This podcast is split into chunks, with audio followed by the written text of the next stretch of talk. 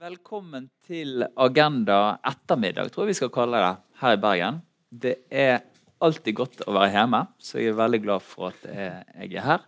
Eh, jeg heter Trygve Svensson og er leder i Agenda. Så vil jeg også si at jeg er veldig glad for at vi har fått på plass dette arbeidet med Litteraturhuset. Eh, og dette kommer vi bare til å forsøke å dyrke videre og få til flere gode møter. Det kommer minst to ganske sånn store agendamøter her utover våren. Eh, sånn at det er sagt. Men i dag er vi en gjeng som er samlet her som skal snakke, diskutere en av de viktigste spørsmålene i vår tid. Nemlig hva skal vi leve av i framtiden? Hva slags næringspolitikk eh, trenger Norge? Og, og, hvordan skal vi skape vekst og velstand i hele landet? Så skal jeg gjøre noe som er litt, det er egentlig litt sånn retorisk dødssynd. Jeg skal si noe om hvorfor panelet er blitt sånn som det er blitt, eller hva som mangler i panelet. Og det som ja. mangler, er en kvinne. Vi pleier aldri å ha bare mannlige paneler i Agenda. Men det var rett og slett fordi at Marit Wanke, som er leder for Bergen Næringsråd, hun måtte melde avbud.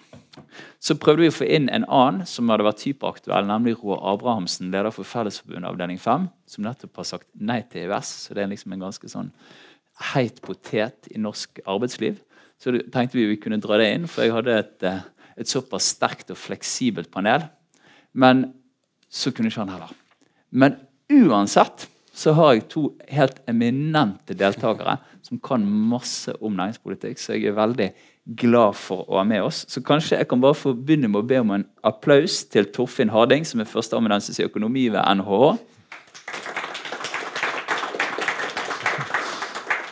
Og til Dag Inge Ulstein, som er byråd for finans, innovasjon og eiendom her i Bergen. Og jeg tenker vi holder på i Ja, vi holder på så lenge det er interessant å lytte. Eh, men litt under en time. Eh, og da tenker jeg òg jeg skal inkludere dere i salen ganske, om ikke altfor lenge. Så bare vær klar med tanker, spørsmål osv., og, så videre, og så har vi en mikrofon der som kan gå rundt. Sånn at vi kan få en bra, dynamisk samtale.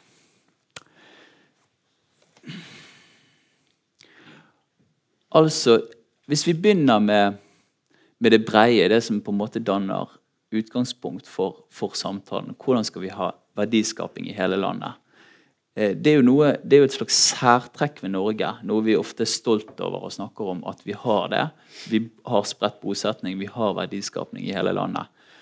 Eh, og for, eh, for en del år siden, når du liksom fikk det teknologiske gjennombruddet med nettet, så ble det ofte tolket som sånn Ja, nå blir, fall, blir det enda mer desentralisering. For nå kan i hvert fall folk jobbe i hele landet. Nå får du bredbånd overalt, så nå kan du jobbe fra hver minste lille bygd, fra hver lille øy.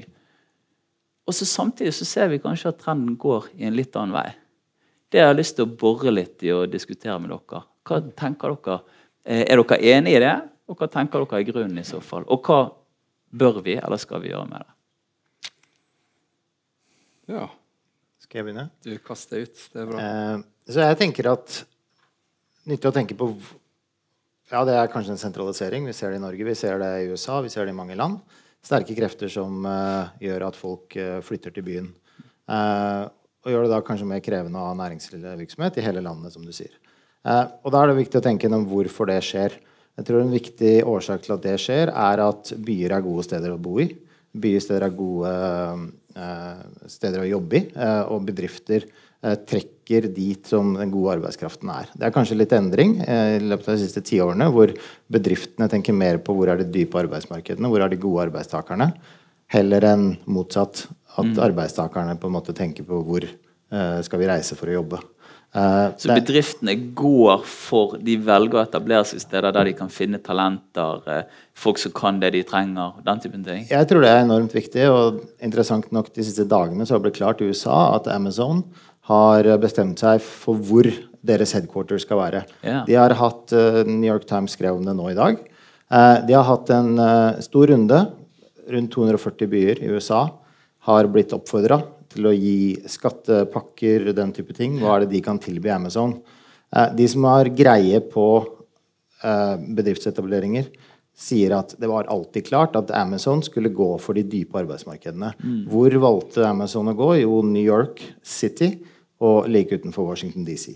Eh, men så har de i prosessen lært mye om disse byene. Fått de til å selvfølgelig delta i en konkurranse som har gjort at de har fått kanskje gode vilkår. Så det er jo en slags konkurranse her.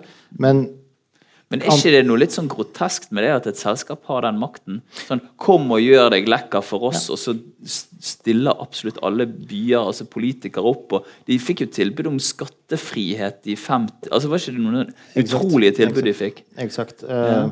Noen av ordførerne tulla med at de skulle bytte navn til eh, Amazon men, eh, City. Den type ting. Så det var eh, Og det tror jeg litteraturen, i hvert fall på internasjonale investeringer, men jeg tror også delvis på, internt i land, viser at det er antagelig ganske lite å hente på den type skattekonkurranse. Og poenget er at det er veldig vanskelig å kompensere for f.eks. da eh, kompetanse, god infrastruktur, den type ting, eh, med sånne skatteordninger. Så mitt poeng er at vi må tenke gjennom hvorfor denne sentraliseringa skjer. Og det tror jeg handler om Mye handler kanskje om at egentlig de som kan velge, de har faktisk lyst til å bo i byer. Og det må vi liksom være litt ærlige på også. Jeg ser jo da altså by, finansbyråden i Norges vakreste by nikker til akkurat det poenget. Har du lyst til å hive deg på det Ja, ja, resonnementet? altså, eh, det er jo fantastisk at folk liker å bo i by. Samtidig så, og Nå har jeg ikke noen sånn forskningsbasert masse empiri med i sekken her, men, men altså, se på Hundeidvik, Fiskarstrand, Fusa. Se på Fosnavåg. Ikke liksom verdens navle, da, men Havila, som nå sier at det er mulig å fullelektrifisere hele kysten vår. Det er ut fra et bitte lite miljø eh, på ei lita kyststripe eh, mellom Bergen og Trondheim. Så, så jeg tror jo at eh, at vi må på en måte løfte de miljøene, løfte de historiene. Eh, og så tror jeg det handler litt om eh, politikken som ikke er knytta direkte til næringspolitikken, men det handler om å ha et likeverdig tilbud i distriktet. At vi faktisk òg må bygge den tilliten mellom by og land, eh, og, og våge det. Eh, og så skjer det jo bare ikke innenfor industrien. Altså, det er jo masse spennende innovasjonsmiljø som har økosystem som jeg tror er attraktive òg for internasjonale miljø. Om det er PIR i Ålesund eller igjen snakke om i Sunnhordland og andre. Så jeg tror at det er en litt sånn motbølge her som kanskje ser etter litt andre verdier. Um, og så har du jo helt sikkert rett, altså, men det, der er i hvert fall Ja, men oss, vi, skal, vi må nødt til å bore i dette. Vi sitter i Bergen og vi har en hel kyststripe der det skjer masse verdiskapning. Men la oss bare kverne dette med byer bitte litt lenger. For at, altså når jeg tenker, For å helle litt malurt i begeret, da. Bergen. ikke sant? Hva er det som har skjedd i Bergen de siste fem årene av, når det gjelder de store motorene i denne byen? Um, da Du fikk først Friele, solgte seg ut. Har drevet i Bergen siden slutten av 1700-tallet, meg bekjent. Ribar solgte seg ut. Har drevet i Bergen siden eh, tidlig på 1800-tallet. Moen solgte seg ut. Drevet i Bergen siden midten, slutten av 1800-tallet. Så du har altså selskaper som har hatt hovedkontor, vært drevet ut fra Bergen i hundrevis av år. Og i løpet av noen få år så selger de seg alle sammen til internasjonal større kapital. Og hva går pengene inn i? Jo, litt forskjellig. Eh, men mye liksom eiendom, altså den typen ting som ikke er store industrimotorer. Er, er, betyr, er Bergen for liten, da? Eller hva, hva, hva, er, hva er årsaken til at du plutselig får dette? Er det tilfeldig? Hva er det som har skjedd? Hvorfor de selger seg ut, det er ikke Nei, det sier ikke at du skal men, vite grunnen på men, frasen. Men, men jeg, håpet er jo at eh, Ok, Vi ønsker sikkert å ha mer enn én by i Norge. Altså Vi Mm. ønsker ikke at alt skal skje i Oslo. antagelig Akkurat, akkurat som eh, London er, begynner å bli litt for stor. ikke sant? Man ønsker egentlig å utvikle eh, i hvert fall to, tre, kanskje fire Andre byer. byer også. ikke sant? Ja. Og sikkert mer enn det. kanskje Vi trenger, vi trenger regionsentre. Så det er å finne en balanse her, selvfølgelig. Men jeg, vi har vært litt heldige i Norge med at vi har en ganske naturressursbasert økonomi, som er, tross alt er ganske geografisk eh, ikke sant? Gjør at mye av aktiviteten eh, tross alt vil skje delvis i distriktene. Eh, og det har jo kanskje gjort at man har klart å utvikle ganske gode byer og ganske gode arbeidsmarkeder. Både eh, i Stavanger-regionen, Bergensregionen, egentlig mellom egentlig hele kysten, kanskje mye mer enn det det ville vært. ikke sant? Man har jo mye å bygge på. Eh, og det gjenstår vel å se da, om Bergen kommer til å eh, virkelig se en decline på, disse, på grunn av disse lokale investorene som selger seg ut, eller om det faktisk er sånn at det er eh, Bergen har kanskje en underliggende prioritet å tilby. Og det er jo det vi må håpe. Dette må jo du ha tenkt litt på. Ja, det har jeg tenkt veldig mye på. Og bare ta den siste uka. I dag var det nyheter fra BKK, da, et av de store energiselskapene, som da satser milliarder Og på en måte, ja, Det har vært krevende omstilling også for dem. Men det er kjempepotensial. Nye arbeidsplasser og nye markeder som de skal inn i. Ta fintech-klynga, som, som, da ble mm. registrert her nå i, forrige uke òg. Kjempepotensial. Nye typer arbeidsplasser, nye teknologier som på en måte skal utvikles og kanskje eksporteres fra, fra Bergen, vårt miljø. her. Sånn kunne vi på en måte tatt runden rundt. da. Så, um, så, igjen, jeg er jo så du er ikke, ikke så bekymret, selv om disse, altså. disse gamle industrimotorene Nei, ikke det. For jeg vil ikke Og det tror jeg er noe av det viktige vi må gjøre. altså Rett og slett snu oss rundt og se hva potensialet er der. Hva er våre på en måte fortrinn? Eh, og der er jo et hav, da, bokstavelig talt, av mm. muligheter som ligger rett foran nesa på oss, som, eh, som vi må bare gripe.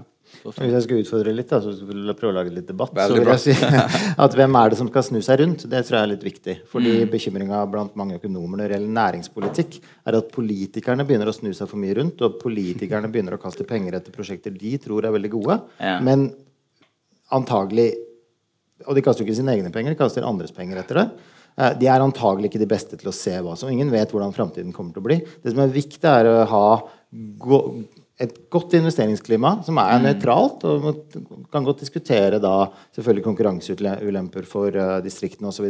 Mm. Men det er enormt viktig tror jeg, at markedet får lov å ta de beslutningene. Så nå er vi inne i den klassiske diskusjonen om næringsnøytralitet versus aktiv næringspolitikk. Mm, yes. Men ta for eksempel, ta et selskap som Equinor. da. Eh, helt tilfeldig siden jeg har jobbet der. Eh, men det er da altså et selskap som er skapt av politikere. Mm. Altså Det hadde aldri eksistert hvis ikke noen politikere hadde sett her har du noe som, her er det en verdi. Vi lager et selskap, den norske statsoljeselskap, som skal utforske det og, og, og, og, kapitalisere på det. Og det er jo det mest verdifulle selskapet i Norden. Så, og det var jo politikere som bestemte at det skulle være. Mm. Det, det, det, er det motsatte av næringsnøytralitet? er ikke det? Altså En næringsnøytral innfallsvinkel til oljeressursene i Nordsjøen måtte jo vært her må markedet bestemme, og så finner vi inn. og Så, så lager vi noen gode skatteregimer, eksempel, men vi lar internasjonale oljeselskaper utvikle det. Men jeg tror ikke vi kan peke på at Telenor er mye verdt, Statoil er mye verdt, eller Krinor er mye mm. verdt, Hydro er mye verdt, og si at ergo så er det rom for en veldig aktiv uh, næringspolitikk uh, og, eller, og, statlig eierskap. Altså, det er ikke noe bevis for det. Det ville jo vært uh, selskaper som hadde klart å tjene penger på utvinning av olje mm. i stedet for Equinor. Equinor. Det ville akkurat vært det samme med telemarkedet. Ja. Sånn, så den situasjonen hvor disse selskapene ikke har blitt oppretta, den kjenner vi ikke. Så Det er et ekstremt vanskelig spørsmål å svare på. Ja. Um, Men hadde ikke det bare vært internasjonale? Det hadde vært Shell og X og noen andre da, som hadde fylt det rommet? Og kanskje hatt noen delkontorer i Norge, men de hadde ikke hatt, det hadde ikke vært den motoren at Norden, ikke bare Norges, men faktisk Nordens mest verdifulle selskap med 22 000 ansatte, en enorm kompetansebedrift, befinner seg her med hovedkontoret under norsk kontroll. Nei, og, kan, eh, og den historiefortellingen rundt oljeindustrien er jo selvfølgelig det at eh, på 70-tallet kanskje 80-tallet, var veldig Egentlig helt til EØS-avtalen kanskje tvinga oss til å gjøre noe annet, så sørga vi for forfordeling. ikke sant? Hydro og Statoil måtte være deler av alle lisenser. Vi var opptatt av at det skulle være lokalt liksom, innhold i disse Så i begynnelsen så var det jo kanskje over 90% importandel på det man trengte til sektoren. Mm. Mens etter hvert så utvikla man sin egen industri. Og du ser egentlig veldig mange land prøver jo på det. ikke sant? Men eh, de er også der så er det et litt sånn åpent spørsmål, fordi hele ideen er jo at den kapitalen og de arbeiderne som gikk inn i den eh, aktiviteten, kunne vært brukt til noe annet. Mm. Og jeg kan jo bare minne om at det er ikke i Norge at Spotify kom, eller Skype eller disse tingene. Det kom mm. i Sverige. Mm. Så vi vet rett og slett ikke hva mm. som er alternativet. Mm. Men der tenker jeg, altså, Du snakker om at vi kaster penger etter. da, eh, og jeg mener jo kanskje at vi kan se litt andre måter på det. at Det, det handler litt om at eh, staten, eh, samfunnet, tar en form for risikoavlastning. Fordi at det er ikke selv det er på en måte ikke tilfeldig at nettopp de selskapene du snakker om, kom fra Sverige, eller at vi ser andre. Så Jeg har brukt det eksempelet før, men sant, det yngste av de største selskapene på børsen er vel Marine Harvest herifra. 25 år, og der er utrolig få andre av de store, viktige eh, selskapene. Og jeg, jeg, tror det henger sammen med måten vi har forvalta kapitalen vår på. Mm. Vi putter det jo da i Oxford Street og Juventus og, og andre typer ting. Og kunne, tror jeg, brukt mye mer venturekapital og vågd å være med å stimulere enn på en måte, et marked som vi kanskje ikke har vågd gjort, som vi har sett kanskje eh, andre har gjort i større grad. Da, som igjen har vært med å, å forme en kultur hos oss eh, som, som, jeg tror vi har tapt på. da. Så Det du tar til orde for nå, er egentlig at oljefondet, altså eller Statens pensjon, ja, altså at vi skulle også kunne investert mer risikobasert kapital også i Norge? Ja, og at faktisk en kunne vågd å ta igjen litt den der statlige styringa som en gjorde. Men jeg tror vi er i et tidsrom der vi må våge å ta mer risiko. Altså, jeg bare ser for meg eh, neste generasjon. Og så kan det hende at noen da eh, skriver historier om at vi kaster penger etter dem. Men, men, sånn som jeg ser, det er nødt til å utvikles nye løsninger som på en helt annen måte er bærekraftige. Eh, for hvis ikke de er det, og hvis, jeg tenker at Det går en linje helt derifra til faktisk det å ha bærekraftige lokalsamfunn knytta til tilliten vi har i samfunnet vårt, eh, de utfordringene som vi står foran de neste tiåra. Så, ja. så, så, for meg er det liksom å våge å ta det steget, da, at vi som, eh, som myndigheter våger å gå inn i det. Men dette er spennende. og det, Kanskje vi tar en siste runde. Du er sikkert ikke helt enig med det han sier. Ta, hvis du har lyst til å respondere på det, og så går vi litt videre til det med tillit. kanskje. Etterpå. det er mange ting å si om det om å bruke oljefondet i Norge. Jeg tror det er en svært dårlig idé. Jeg tror det ville gitt uh, lavere avkastning på de pengene. Og selvfølgelig mye dårligere risikospredning. ikke sant? Mm. Uh, så, og jeg tror også vi må Kanskje det er jobben til begge å peke på problemer, og det er fint. Men hvis vi tar et skritt tilbake og ser på hvordan norsk økonomi har fungert de siste 20-30 årene, så er det ikke så halvgærent. da. Mm. Det går faktisk ganske bra eh, på mange måter, og vi er faktisk ganske også omstillingsdyktige. Mm. Eh, og dette har skjedd eh, store deler av den perioden. Du vet mer om det enn meg. men Politikken har vært relativt næringsnøytral. Så det har ikke gått så halvgærent. Og så er det selvfølgelig utfordringer bygd og land og sånt. Mm. Eh, men virkelighetsforståelsen er nok at det egentlig går ganske bra. Mm.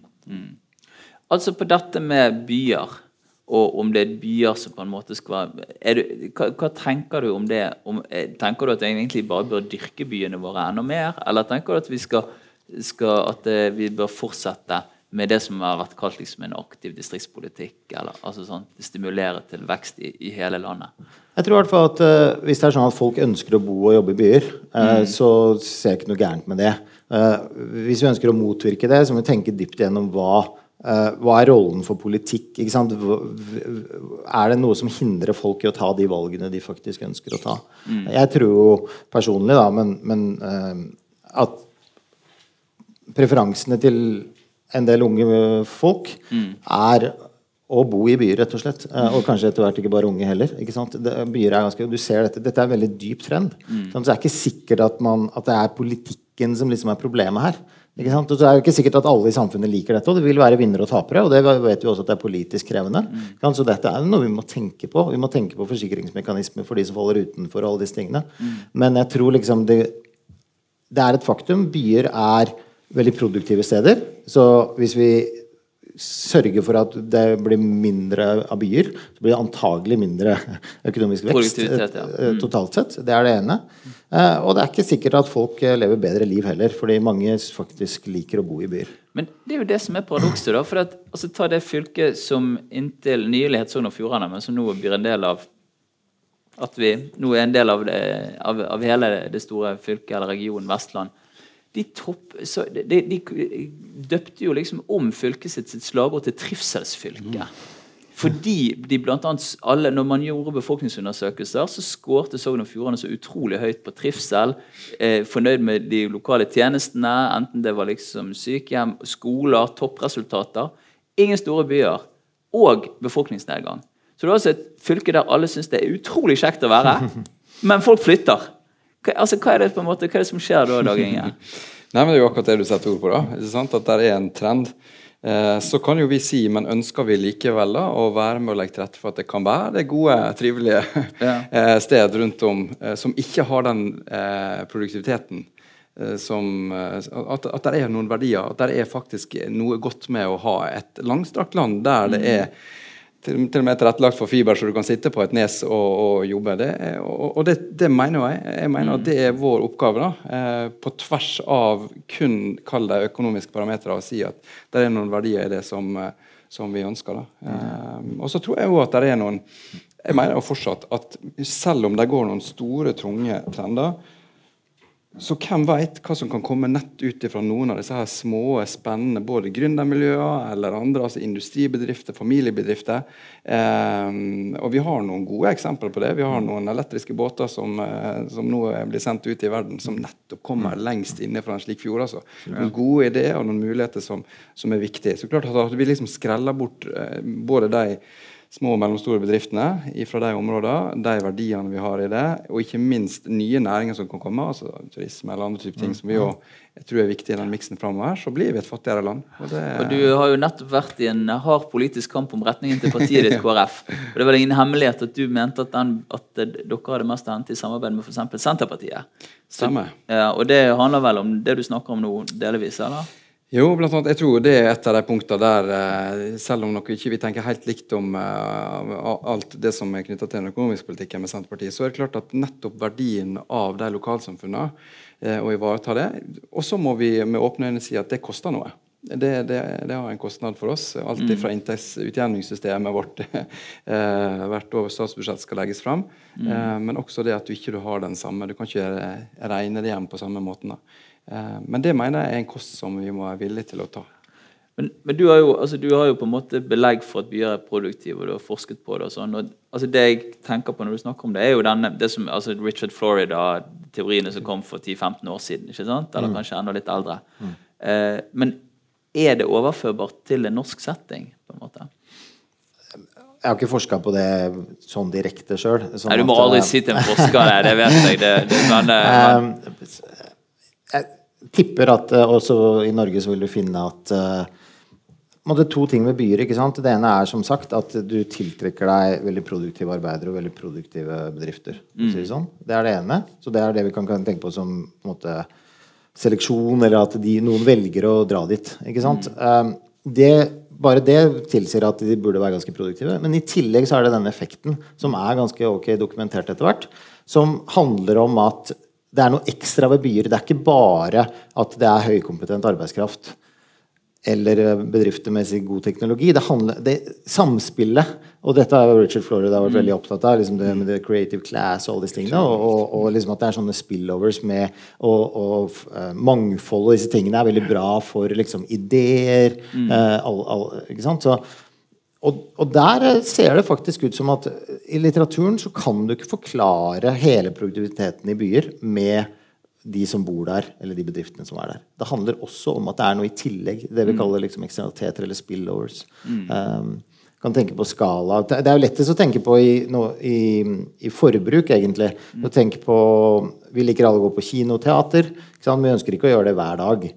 Og det måtte vi kanskje for at det skulle på et lite sted være teater. Mm. Men i en by så kan vi gå innimellom. Det andre mm. går som andre. Og du får liksom det mangfoldet. Du får Vi lever rikere liv. Eh, og, og, og får eh, blir mye mer sammensatt på alle måter. Og det, det tror jeg er en av liksom forklaringene folk snakker om. Dette er ganske vanskelig å identifisere i data. Ja, ja, jeg kjenner vi egentlig skulle hatt en fra Senterpartiet med her inne. Men du kan få lov å spille litt den rollen. For nå skal vi snart videre. Ja, ja, ja, ja. Nei, men det er helt åpenbart. Altså, det er jo ikke tvil om det. Det er mangfoldet som du ser. altså i og som jeg tror gjør at veldig mange er glad i Bergen nå. Eh, det er ikke tvil om det. Og den kreativiteten og hele liksom, pakken med tilbudet som, som, blir gitt. Men det er jo litt av det en klarer å skape på en annen måte. Og utbyggende, det er jo greit Nordfjordeid har teater, men det er mange velfungerende bygder og tettsteder som ikke har de tilbudene. Men det er nettopp de finner en eller annen form for nerve i det samholdet ja. eh, og de aktivitetene og det de skaper der. Og den, den skaperkrafta, da, den, mm, ja. den, tror jeg er, er god å både hegne om og heie på. Og den kan komme ut fra mange ulike miljø. Det mest igjen, eh, Jeg, jeg syns det er herlig å se noen av de trendene der, der folk reiser til den ytterste nakne altså for å mm. finne inspirasjon. Om det er det feteste bandet som reiser til Flø og spiller inn istedenfor å reise til London, så er det liksom, der er noen mottrekk, der er noen motbølger. Ja. Der vi kan bli helt fantastisk unike mm. hvis vi klarer å koble det. Eh, og som kanskje er det som gjør at folk velger å komme til Bergen. Eh, eller til, til, til Norge istedenfor å reise til Stockholm eller eh, London eller Berlin. Ja, for Bergen Så det må vokser, vi heie på. Bergen vokser. Mm. ja. Ja, vi skulle vokst mer, da, men eh, vi, det går tippa rett vei. Mm. Nei, men, Kan jeg bare få ja. legge til Jeg er jo for alle de tingene du sier, selvfølgelig. Det er bare spørsmål om, om det blir mer av det ved å subsidiere det. ikke sant? Det er liksom det som er grunnleggende utfordringa. Men, én en utfordring da, til som politisk er jo hvordan skape gode tjenester også eh, på små steder. ikke sant? Og det Distriktsreformen, for eksempel, ikke sant? er en het potet. og det Regionreform. jeg, jeg mener regionsreformen. Ja, Eh, og det er kanskje grunn til å tro at en del helsetjenester f.eks. er blitt Du trenger større skala, du trenger mer spesialisert arbeidskraft. Den type ting. Det gjør at det er For en del tjenester som betyr mye for folk, så er det ganske krevende å levere dem på små steder. ikke sant? Og det, det tror jeg man må liksom ta Det er Helt åpenbart ha store nok fagmiljø. ikke sant? Det er jo en kritisk masse på noen av de tingene der. Eh, så tror jeg at det er et, det er et spekter av tjenester som det offentlige skal gjøre, der noen av de kommunegrensene eller regiongrensene som vi diskuterer veldig mye nå, jeg tror ikke det blir så relevant litt lenger fram i tida. Har du noen på en måte regioner eller områder der kom- kompetansen finner? For det tror jeg teknologisk utvikling altså, og, og digitalisering og mye annet gjør at akkurat de grensene Vi kommer til å være mye mye mer kravstore på at tjenestene våre skal være like gode hos oss så 4,5 km andre veien der vi, vi krysser kommunegrenser. Så det er Ja, men- viktige moment. Men dere, altså det er en slags bro fra dette, faktisk. For det, det, som, det vi har sett tendenser til de siste årene, er jo en sånn litt økende sentrum-periferimotsetning i Norge. Og det, broen til det eh, Da har jeg lyst til å snakke litt om tillit. Fordi det er et sånn type Det er også et begrep i økonomifaget, ikke sant? Og er blitt mer og mer. Og jeg husker når jeg var med å legge fram næringsmeldingen, det begynner å bli noen år siden, i 2013. Og noe av det siste rød-grønne regjeringen gjorde, og la frem liksom før sommeren 2013 næringsmeldingen. Og det som var litt spesielt med akkurat den, det var at da tok vi inn en god del forskning på tillit og sosial kapital og betydningen for økonomisk vekst i det. Og det, dette, det er jo noe vi forbinder med det norske samfunnet. Det er jo høy tillit, og vi scorer jo som oftest veldig høyt på undersøkelser om tillit.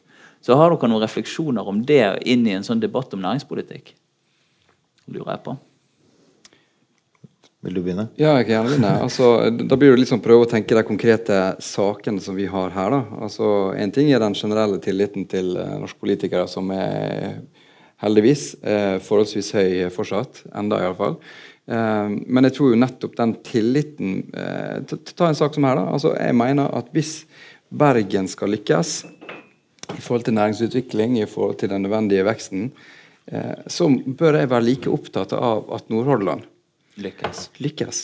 At uh, utviklinga som skal skje på Straume, at, at det er et samspill med oss. Selvfølgelig må vi ha noen rammer for det knytta til altså Skal vi lykkes med andre mål som setter oss i forhold til klima- og miljøpolitikken? andre Men, men, men det må handle om at de miljøene må forstå at vi faktisk mener det. Altså, vi- må bruke tid sammen, og så må vi løfte den regionen sammen. Jeg skulle jo virkelig virkelig ønske at vi slutta å snakke ned Stavanger eller andre. Altså at vi, vi så på at vi er ikke store nok alene, vi heller. Du trenger ikke å reise langt før vi blir den lille øya, den lille vika, den lille fjordarmen. Eh, så det er noe med perspektiver der jeg tenker at vi, vi har litt å lære av. det. Altså, ta et eksempel. Vi har jobba mange mange, mange tiår med en sånn havnecase her, som handler veldig mye om regional næringsutvikling og havneutvikling. Der kan jo stå på hvert sitt lille nes og vil bygge Av på en måte konkurranse. Havner, Ja, Bergen versus på en måte nettopp sånn som vi snakker om da. Eh, både sør og nord for oss. Men jeg tror at når vi setter oss ned og tenker at nei, nå må vi se på en måte et større bilde der det ikke handler om Bergen. Men hvis vi får det til å lykkes, så vil i alle fall Bergen å lykkes. Og så snur vi på det. Så vil det være til det beste både for Nordhordland og for Sunnhordland og for, for øyene vest for oss. Så, så jeg tror den, eh, den tilliten må bygges også på tvers av ulike politiske miljø, eh, og, og mellom by og land. Og det er vel kanskje litt feil å si når det er omegnskommuner her, da. Men, mm. men det har vært mye knuffing, altså. Som har eh, ødelagt mye for god næringsutvikling. Det også, altså det jeg er fascinert av, er rett og slett for at en arbeidsplass skal være produktiv. Altså For at f.eks. et verft skal gå bra, eller for den saks skyld et kjøpesenter, eller hva som helst, så er det at folk stoler på hverandre, i seg sjøl en driver for produktivitet. Jeg ser forskere nikker til det. Jeg er veldig fornøyd med det i så fall. Nei, jeg tror jo det tillit på, er viktig av mange grunner. Mm. selvfø- og tillit mellom folk, selvfølgelig, handler jo om at uh, vi ikke må skrive kontrakter for alt, f.eks. Ja. Men en annen type tillit som er spesielt uh, kanskje relevant her, er jo tillit til uh, rammebetingelser. Mm. Tillit til politikerne. Tillit til at eh, eh, Ting kan- ikke forandrer seg. eh, Eksakt. At det er eh, stabilitet. Ta oljesektoren. Enorm, enormt høy skattetrykk egentlig internasjonalt, men det er stabilt. Mm. Ja. Ikke? Og det er relativt troverdig. at ikke- 78 ikke sant? Ingen tvil om at det fortsetter sånn. Eksakt. Og det er veldig vanskelig å sette det opp også, for det er Ja. såpass høyt. ikke? Men, men, men den stabiliteten er utrolig viktig. Det har vært litt mye vingling i miljøpolitikken kanskje i det siste. Men hvis du skal kjøpe deg bil, f.eks., det er veldig vanskelig å, å tenke ordentlig på dette. Men, men, eh, men så det tror jeg er en veldig bra uh, side ved, ved norsk eh, økonomisk politikk. Det har vært. Eh, at vi kan liksom forankre forventningene til de som bedrifter og folk når de skal ta beslutninger. Men altså, det som har skjedd med, og det, Når jeg har reist rundt og snakket med bedriftseiere og næringslivsledere, og sånn, så pleier jeg ofte å dra det resonnementet om tillit. Og at en av grunnene til at vi er produktive i Norge, er at de har tillit. Og vi har høy, også, og alle nikker. Alle er helt 100% enige. Og så sier jeg Og du vet jo hvorfor vi stoler på hverandre såpass mye i Norge. Det er jo fordi vi har et veldig progressivt skattesystem. Fordi vi fordeler likt. Fordi at det ikke noen er kjemperike og andre er kjempefattige. Det er derfor vi har høy tillit i Norge. Og da blir det plutselig litt vanskeligere. For da blir du nødt til å betale for det. Skjønner dere hva jeg mener? Så jeg bare lurer på, hva tenker, altså, hei, Er dere med på resonnementet om at den tilliten kommer ikke av seg sjøl? Den kommer, vokser ut av et spesielt samfunnssystem, som er det vi har, da? Da vil jeg jo si at uh, det samfunnssystemet kommer ikke av seg sjøl, det heller. Sånn, så jeg, jeg vet ikke hva som kom først av det av høna. Høna, ja. Fordi det er noe med at vi, vi er jo relativt eh, eh, egalitært orientert. Mm. Vi er ganske like. Vi er eh, ganske små.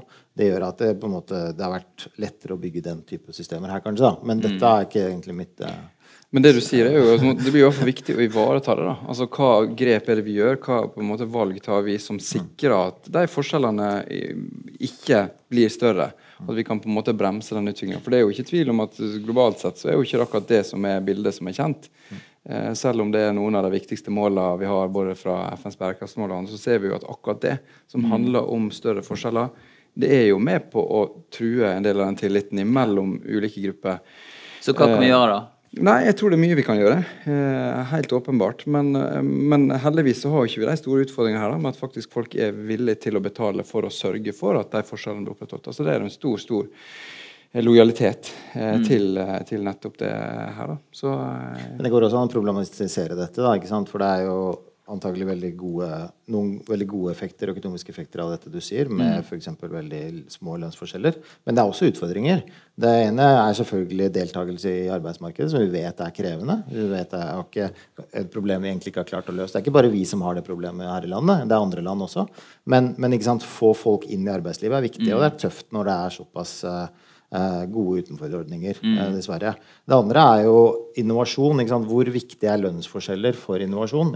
Det er et eh, hett eh, forskningsspørsmål, og det er på en måte ikke løst. Eh, Noen vil mene at eh, det er ikke sånn at alle land kan være som Skandinavia, fordi at da ville det vært for lite innovasjon i verden. Men Skandinavia kan egentlig ha det sånn, for vi kan freeride på innovasjonen til andre land. Sant? Så USA føler på en måte at ok, de må ta liksom en for De laget. laget. Og så ha litt eh, høy ulikhet, fordi noen må jo tross alt eh, finne opp Apple og Google og sånt. Ja, jeg skjønner. Men i så fall burde jo liksom Brasil vært enda mer innovativ enn USA, da. Det er ulike kilder til Ja, siden der er ulikhet som er kanskje ikke like produktiv. Ja, ja men interessant. Ja, men dette, skal, dette, dette kunne vi sikkert snakket lenge om.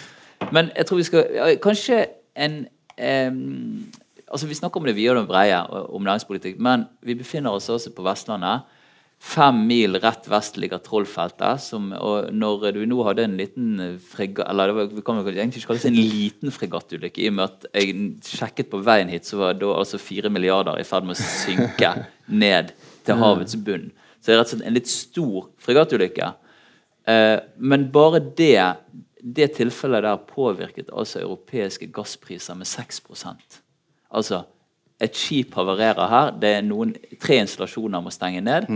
Europeiske gasspriser stiger med 6 Altså eh, Trollfelt alene tror jeg står for 15% nei 8% av den europeiske gassforbruket.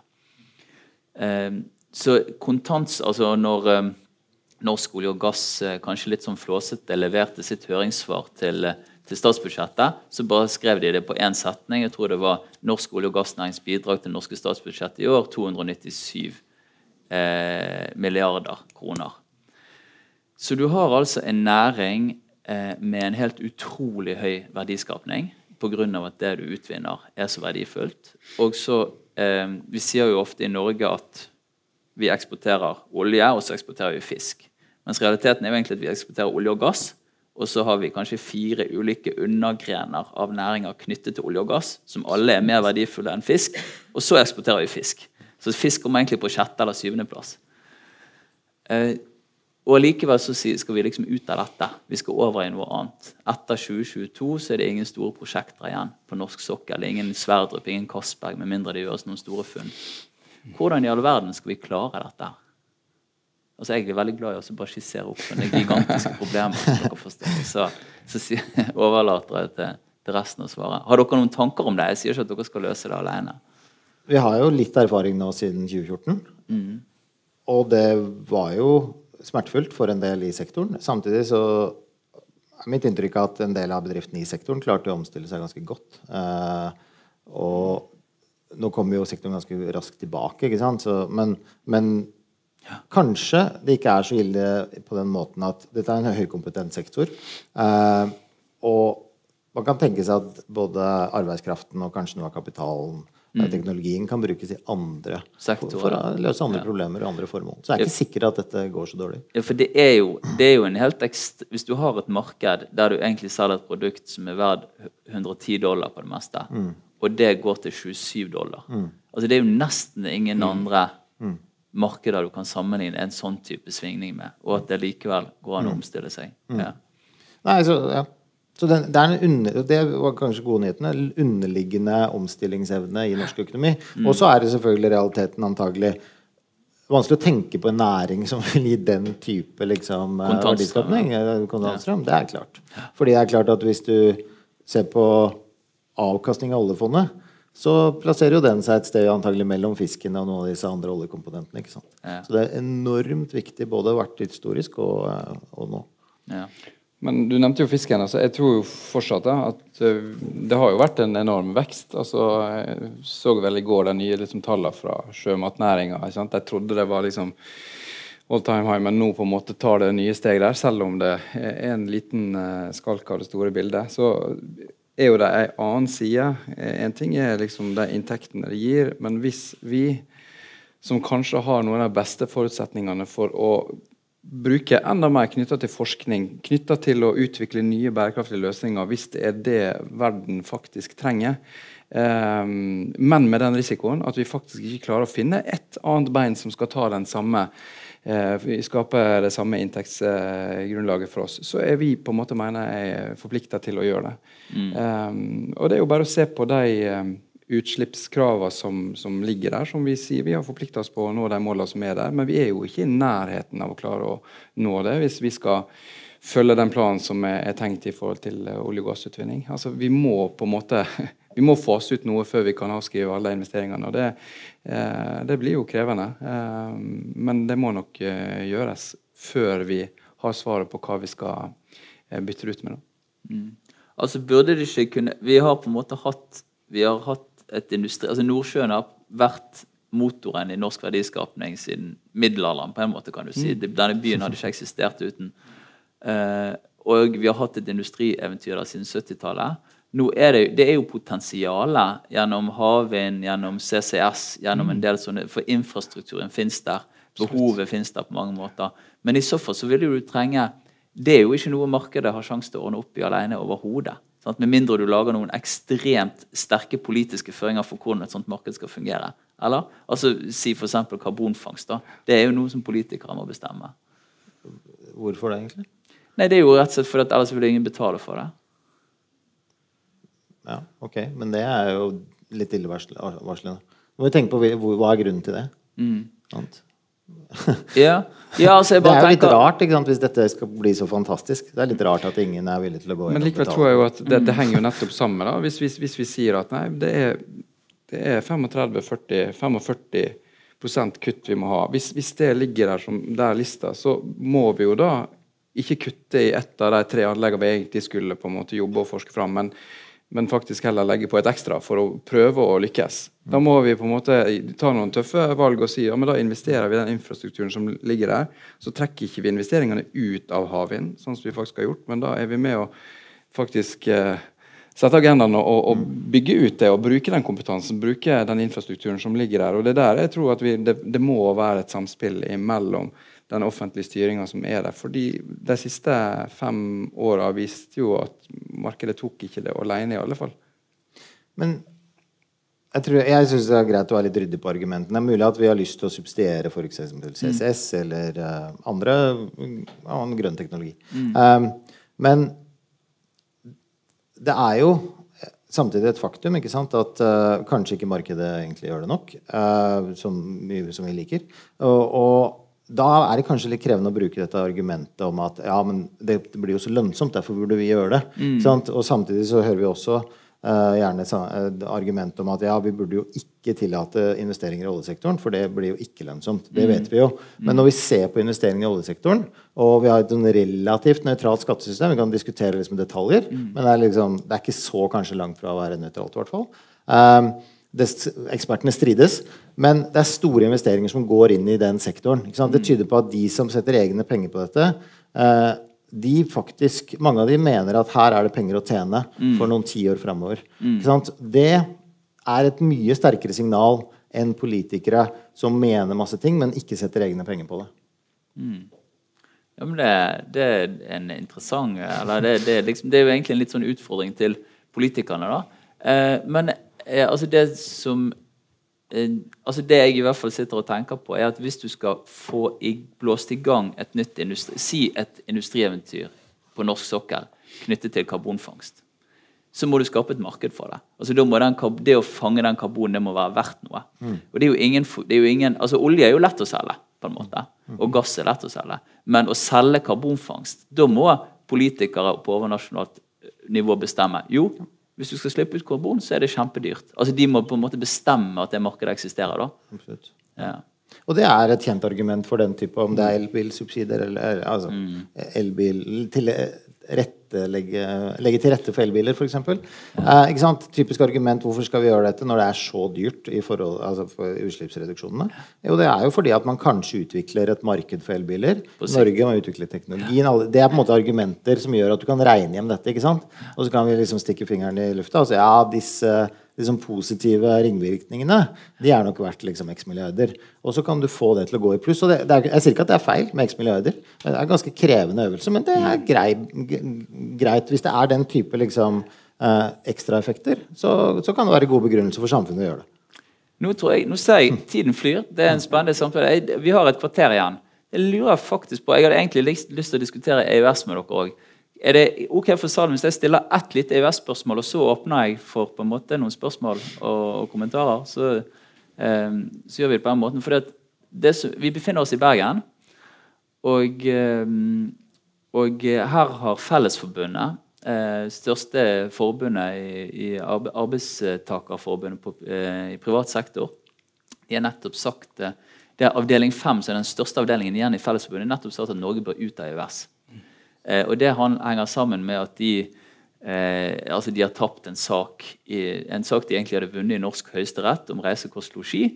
Ble på en måte overprøvd til ESA, som er EØS sitt kontrollorgan. Og eh, dermed så fikk de allikevel ikke sånn som de hadde vunnet gjennom i Høyesterett. Eh, så de er sinte og frustrert pga. det, og mm. Eh, har nå liksom et styrevedtak på at de mener Norge bør ut av EØS. Har dere noen sånn umiddelbare responser, tanker eh, knyttet til det? Vi kan òg bare si noe generelt om EØS. Altså. Ja. Vær så god, eh, kjør på det. Mm. Uh, jeg syns Jeg tror jo EØS-avtalen er fantastisk viktig. Jeg tror alle de fire frihetene som ligger i EØS-avtalen, er viktige. Så varehandel er selvfølgelig uh, stort, sånn i milliarder og sånn. Men jeg tror også eh, flyt arbeid, fri flyt av arbeidskraft uh, i EØS-området er enormt viktig. Det har vært viktig for norsk økonomi nå, når vi var gjennom en boom siden mm. de siste 10-15 årene. Det gjør at arbeidsmarkedet vårt er ekstremt fleksibelt. Um, og jeg tror den samordninga, internasjonal samordning er enormt viktig. Jeg tror det er veldig viktig for oss å liksom være integrert. Vi er tross alt et ganske lite land. Mm. Um, det er viktig å koble seg på både når det gjelder uh, teknologiutvikling, utdanning, forskning. Alle disse tingene er enormt viktig. Det er mye, viktig, mye større enn uh, på en måte bare tilgang til noen markeder også, som også i seg selv er viktig. Så for verdiskapning langs kysten i Norge for eksempel, så er EØS-avtalen egentlig viktigere enn denne by-land-problematikken vi diskuterte i sted? Eller? Jeg vet ikke om du kan måle sånt opp mot hverandre, men jeg tipper at det er veldig viktig med EØS. Ja. Det er jo et utrolig stort bilde her. Da, tenker Jeg sant? Jeg vil jo si at vi er tid der det er viktigere enn noen gang med den type samarbeid. altså at Det vi får tilgang til gjennom forskning, utdanning, utvikling, som vi ikke ville fått på samme måten. Og Samtidig kan vi være med å utfordre deler av den som handler om liksom, Kall det det vi vil si de demokratiske utfordringene rundt det. Eh, men igjen, hvis vi da skal på en måte melde oss ut av den type samarbeid, så vil vi aldri klare å, å, klare å forhandle fram det samme liksom gjennom bilaterale avtaler på en måte som er tilsvarende vi får der. Det er iallfall min og er KrF-stemmer veldig tydelig her. og det, det, er helt åpenbart. Det blir bare viktigere i tida som kommer, tror jeg. Takk for det. Nå lurer jeg faktisk på, Vi har en mikrofon. Er det noen i salen som er interessert i å si noe? Der ser jeg det er to hender i været. Vær så god, Si gjerne hva du heter, og om du, du, du kommer fra et sted som du tenker kan være interessant for debatten. Eh, jeg heter Isabel. Jeg er um, vitenskapelig assistent på UiB. Ja. Blant annet emne eh, økonomisk politi, politisk økonomisk sosial. jeg har flere kommentarer, egentlig. Vi har noe, vi har, det er jo litt um, homogene tilnærminger her, da. Eh, Homogen gruppe òg. Fire menn ja. i omtrent samme og tre menn i samme Men når man snakker om eh, næringslivet, så er jo tre ting som er veldig viktig. Tilgang til kapital, tilgang til markedet og tilgang til arbeidskraft. Eh, det jeg savner her, er jo eh, eh, debatt om tilgang til kapital. Mm. Ser man på Tyskland, hvordan de har låst det, hvordan de har fått desentralisert det, eh, eksportnæring, sant? Eh, så ser man jo at eh, de har hatt en politikk hvor bankene, små lokale banker har tilbudt gode lån spesielt til små og mellomstore bedrifter og til gründerbedrifter. sant? Eh, her i Norge har vi gjort det motsatte. I 2016 så eh, var, kom opp den saken om SMB-rabatten. Hvor EU eh, foreslo at man Eller det lå i direktivet om finanstilsynsdirektivet. at eh, man skulle da gi 25 rabatt eh, på, de, på, små og mellomstore bedrifter. Altså til, eh, når det kom til kapital, egenkapitalkravet. Da, men det ble vedtatt, og den har ikke fremdeles blitt implementert. sant? Eh, og det sier jo noe om eh, hvor, hvor egentlig, egentlig, segmentert tenker man da, når man snakker her om næringslivet. Man tar ikke opp eh, behov for tilgang til kapital. Eh, det henger sammen. sant? Eh, det er den ene tingen. Den andre tingen ja, men, er jo eh, i forhold til kommune og, og altså sentralisering desentralisering. for det første, hva er sentralisering og desentralisering? sant? sentralisering av avgjørelser eller eh, eh, bosetning. Sant? Eh, det er ikke noe som heter trender. Når man sier at det er trender, så man på en måte stiller seg litt sånn passiv, og så sier man nei, det bare skjer av seg selv. Men det er jo, det er jo, det er jo utvikling som ligger bak det. sant? Og, og eh, Jensen og Jensen, eh, folkestyret, elitestyre, en bok som har kommet ut, der er jo statistikken veldig klar at folk faktisk trives i, i lokale i, i, byer med under 5000 innbyggere. At faktisk politiske deltakelsen er høyere.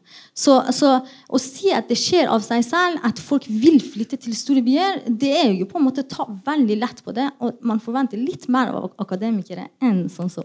Tusen takk skal du ha, Isabel. Kanskje neste gang så er det du som sitter i panelet. Ja, det er bra. har dere lyst, noen som har lyst til å respondere? Det var egentlig to ting. så vidt jeg hørte Det Det var både kapital og tilgang på kapital, og at du har et litt annet perspektiv på dette med at folk flytter til byene. Jeg kan kaste meg på det siste. da. Ja. Eh, til byene. Du har jo helt rett i det. Noe av det som vi ser på her, sant, er jo på en måte lokaldemokrati, bydelsdemokrati. Hvordan kan vi på en måte være med å ikke bare gi en opplevelse av nærhet, men faktisk at beslutninger blir tatt nærmere der den er. Prøve å bygge det ned. Og det, det, tenker jeg er kjempeviktig for oss å gjøre, helt uavhengig av størrelse på, på byene. Men det er, eh, det er jo kanskje litt derfor, eh, akkurat sånn som det blir sagt innledningsvis, altså at de opplever det med veldig høy score og trivsel i Sogn og Fjordane, men likevel så flytter de til Bergen og blir boende der.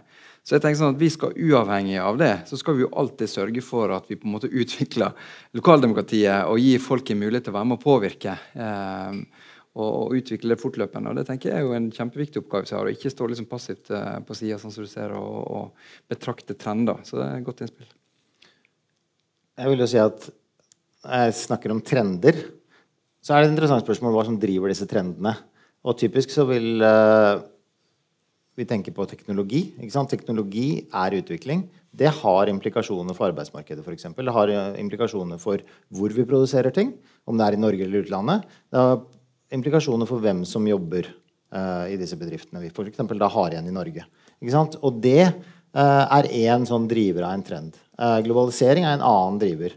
Vi har en del sånne Og det er det jeg mener med trender. Det er også internasjonale forhold. Kanskje politiske valg i utlandet. Men dette er poenget med å kalle det en trend, det er at det er ikke, det er ikke nødvendigvis sånn at vi kan velge helt fritt. Ikke sant? Eh, så noe Og det tror jeg er viktig, fordi ellers så Å, å svømme motstrøms uh, blir du sliten av, og du kommer ikke noen vei. Så du må tenke på hva, hvorfor er dette skjer, og kan vi gjøre noe med det.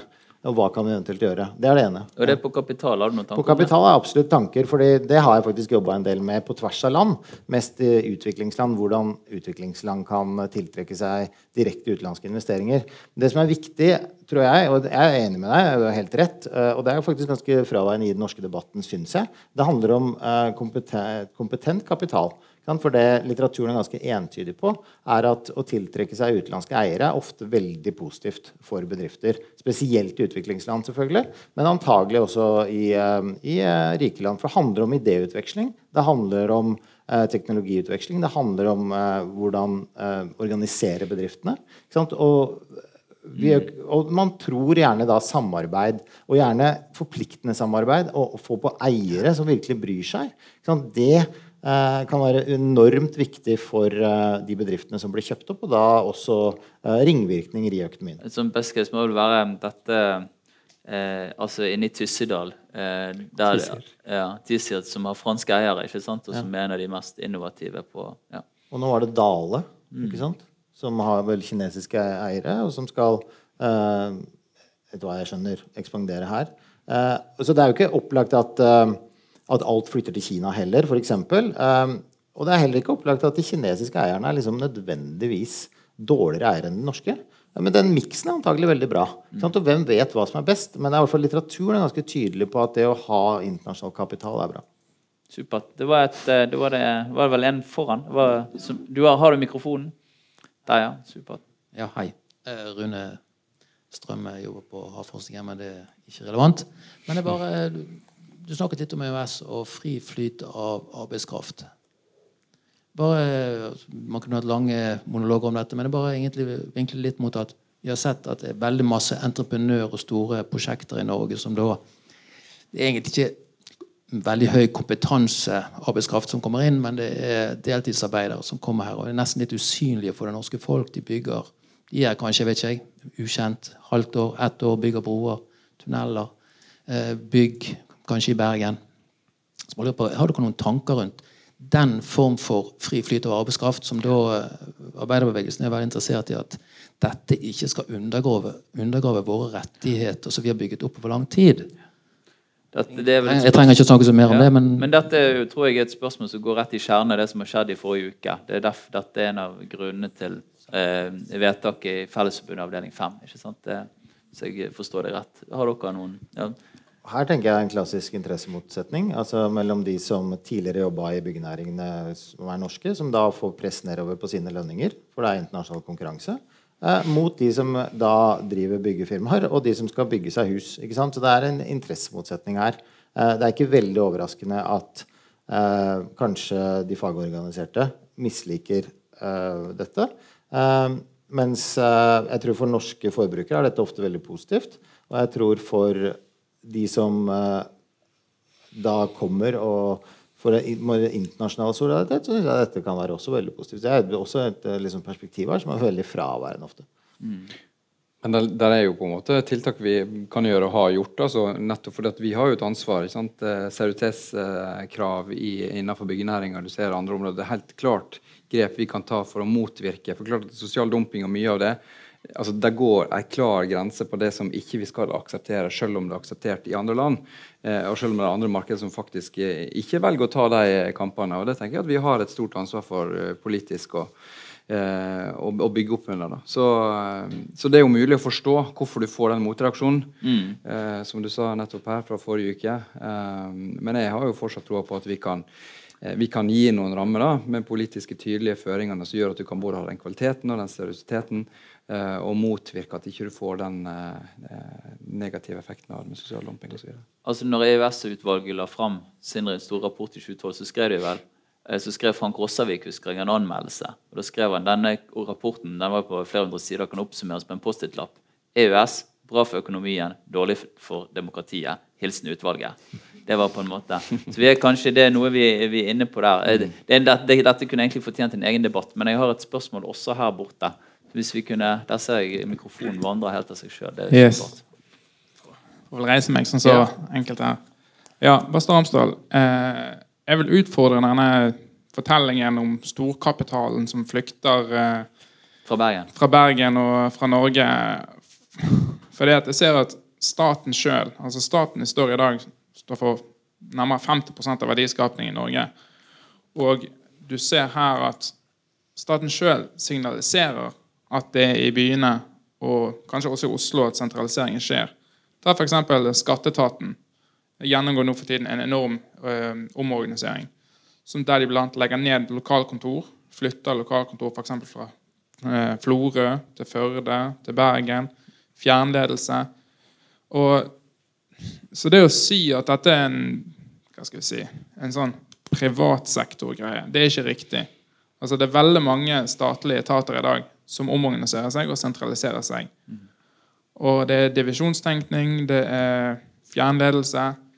Og jeg tenker, De som sitter rundt i grisgrendte land, hva tenker de? Jo, den arbeidsplassen forsvinner.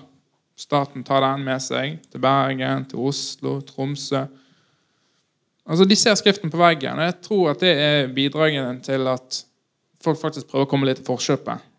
Og eh, jeg tror ikke, Det virker som staten sjøl ikke tror på at det er levedyktig på distriktene lenger. Mm. Takk for spørsmålet. Noen uh, umiddelbare respons?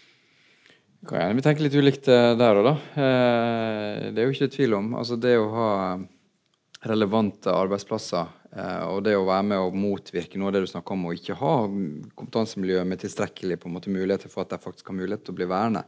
Og iallfall å se at det er noen regioner og noen på en måte møtepunkt eh, som, som, ikke bare er knytta rundt de tre-fire største byene.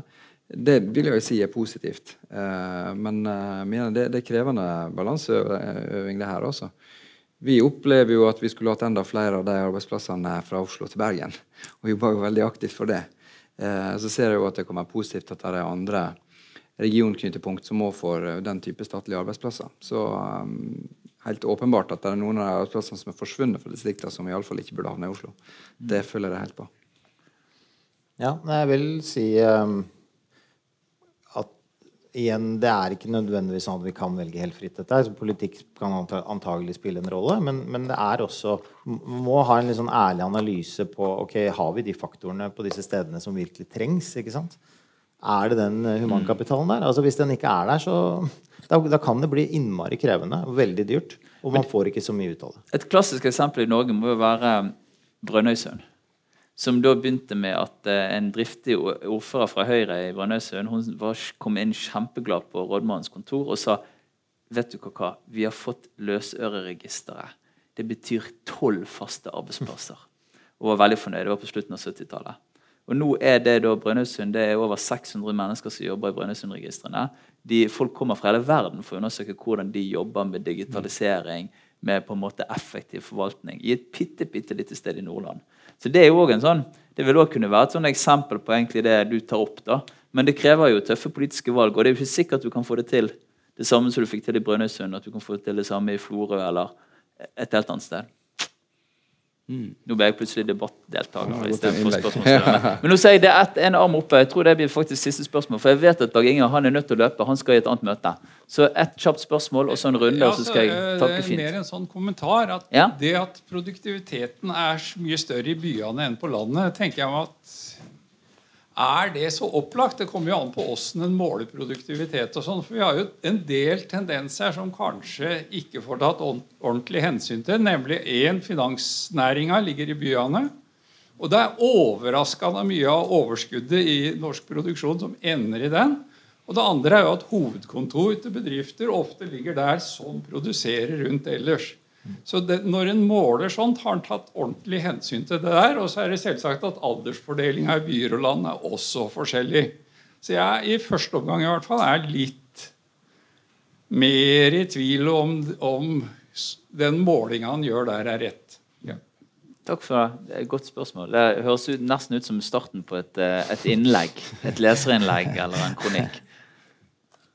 Har du lyst til å respondere kjapt? Jeg tror det er helt riktig at det er vanskelig å måle disse tingene. Jeg tror mange av de studiene som prøver da, de, Man prøver jo da å se eksempel på arbeidstakere og prøver å sørge for at du sammenligner da like arbeidstakere i to byer f.eks. Så ser du er den ene mer Eller to steder, da. Um, så man prøver absolutt å tenke på disse tingene. Om man klarer det fullt ut, er jo et annet spørsmål. Det er krevende. Så du har rett. Da ble vi litt enige. Er det noe dere har lyst til å si helt til slutt om dette? Vi har vært innom ganske mange temaer. Vi begynte med på en måte det vide og brede verdiskapning i hele landet. Har dere lyst til å bare si noe om på en måte hva dere ser for dere, eller hva dere ønsker dere aller mest for fremtiden i norsk næringspolitikk eller næringsliv? Noe sånt. Noen fyndige ord til slutt. Altså, det som jeg kanskje er mest inspirert til å si, eh, gitt det, det, det som kom opp, eh, er jo det at vi må Ok, vi er delvis observatører. Ikke sant? Det er noen, eh, folk tar noen valg, og utlandet tar noen valg, og sånt, og teknologi utvikler seg sånn. Så det observerer vi, og så er det noe med hvordan vi kan tilpasse oss dette. Og det er ikke bare sånn at vi kan liksom uh, velge helt fritt uh, med politiske virkemidler. Nei. det var litt det samme. Vi snakker om globalisering. Jeg tror at det er noen faktorer utenfor oss sjøl som kommer til å få mye, mye, legge mye mye større premisser for hvordan vi både har det her, og hva vi bør gjøre og kan gjøre i tida framover. Så jeg håper vi våger å ta de riktige valgene og de djerve valgene når vi får muligheten. Kjempemessig. Da gjenstår det bare for meg å si tusen takk for, til dere for at dere har stilt til debatt. Tusen takk til dere som kom og hørte på. Følg med, følg Agenda på Facebook. Vi kommer til å arrangere flere debattmøter i Bergen fremover. Dette gir mersmak, rett og slett. Takk skal dere ha. Gjerne be om en applaus til det flotte panelet.